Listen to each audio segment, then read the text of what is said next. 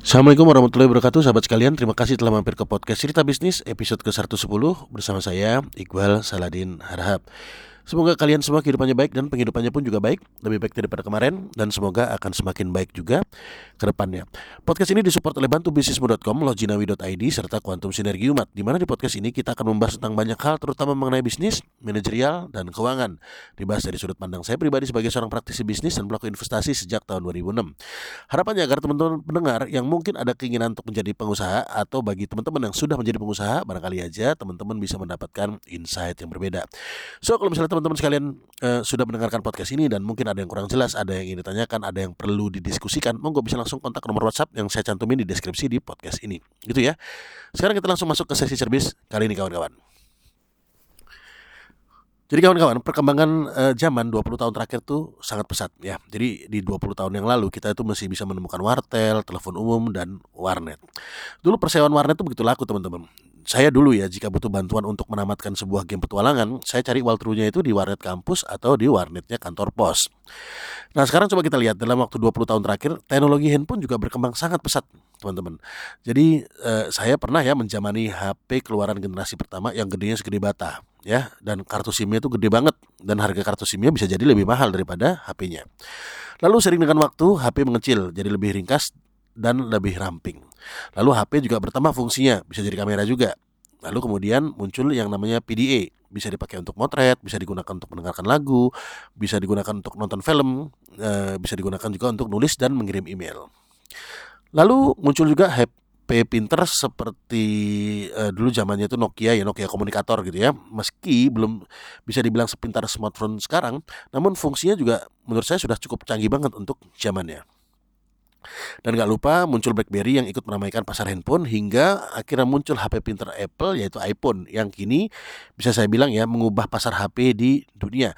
Bisa digunakan untuk browsing internet secara cepat, bisa digunakan untuk mendengar lagu, nonton film, bisa digunakan untuk motret dan mengambil video. Ya banyak lah yang uh, revolusioner lah gitu iPhone itu ya dan uh, semua itu terjadi sangat cepat teman-teman sekalian ya nggak kerasa gitu loh 20 tahun berlalu nah sekarang saya ngajak teman-teman untuk mundur sedikit ya dari uh, zaman sekarang ke revolusi industri revolusi industri itu kurang lebih tahun 1700-an ya. Nah, di zaman itu terjadi perubahan di banyak bidang, terutama eh, juga di bidang transportasi ya. Dulu orang ke mana-mana naik kuda, Nah, sedangkan pada zaman e, revolusi industri e, sudah ada alat transportasi baru yaitu mobil tahap awal.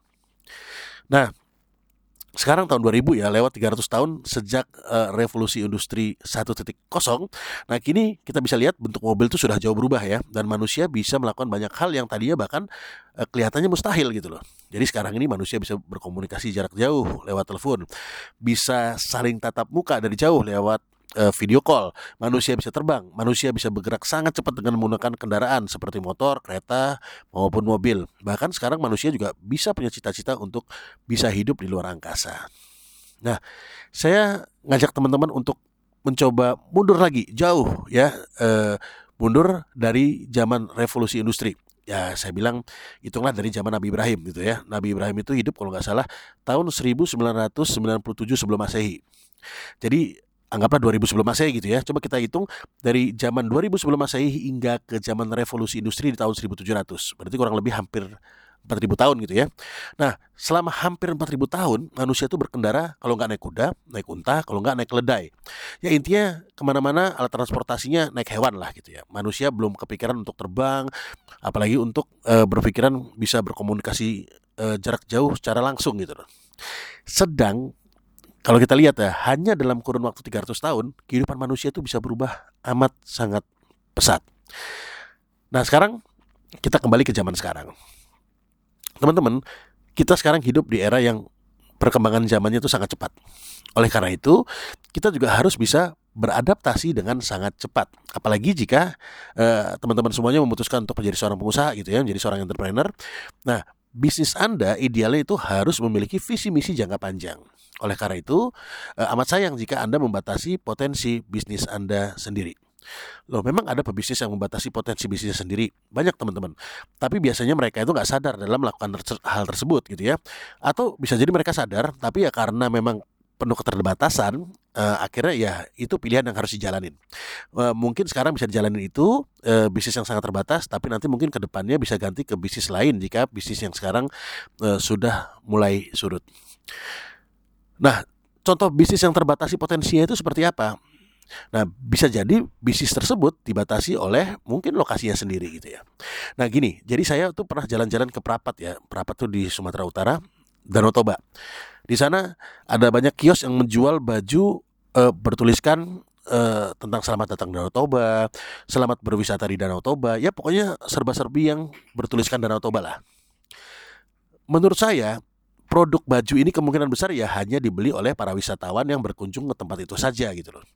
Ya mungkin bisa lah dijual di marketplace ya, tapi akan sulit sekali bagi si penjual untuk bisa menjual produk eh, tersebut dengan cara mungkin eh, menitipkan baju tersebut di kios-kios lain seperti eh, di kota Bandung atau di Jogja gitu ya misalnya dengan menjual produk bertuliskan eh, nuansa yang penuh uh, apa ya dengan tulisan Danau Toba.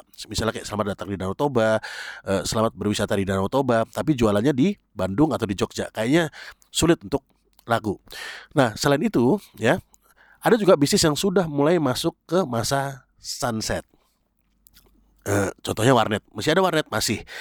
Tapi kalau saya bilang ya, uh, orang yang buka warnet di era sekarang ini kemungkinan besar dikarenakan karena ya mungkin mereka cuma punya kesempatan itu saja gitu loh. Mungkin eh, dia punya tempat kosong di rumahnya atau di kantornya, dia punya beberapa komputer yang mana ada tempat kosong dan ada komputer nganggur.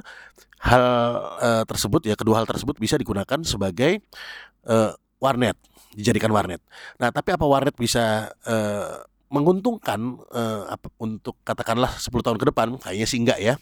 Nah, oleh karena itu teman-teman, di podcast service kali ini saya mengajak teman-teman untuk berpikir.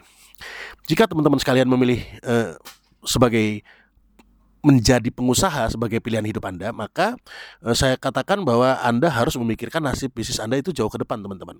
Apakah bisnis yang Anda jalankan sekarang atau yang Anda rancang sekarang itu masih eh, relevan untuk jangka panjang? Kalau enggak, maka apa yang harus Anda lakukan? Apakah Anda perlu menciptakan perubahan produk yang lebih bisa diterima pasar? Atau eh, apakah perlu menutup bisnis Anda yang sekarang dan membuka bisnis baru yang lebih relevan? Nah, hal ini tentu hanya Anda yang bisa menjawab. Ya, Oke mungkin gitu teman-teman sekalian ya tentang cerbis singkat edisi kali ini. Harapan saya adalah uh, semoga teman-teman bisa membawa bisnis anda itu jauh uh, ke depan lah ya. Jadi long term.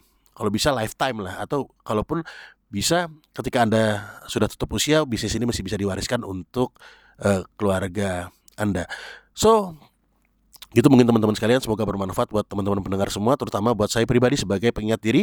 Saya cabut dulu sampai jumpa di episode cerbis berikutnya. Assalamualaikum warahmatullahi wabarakatuh.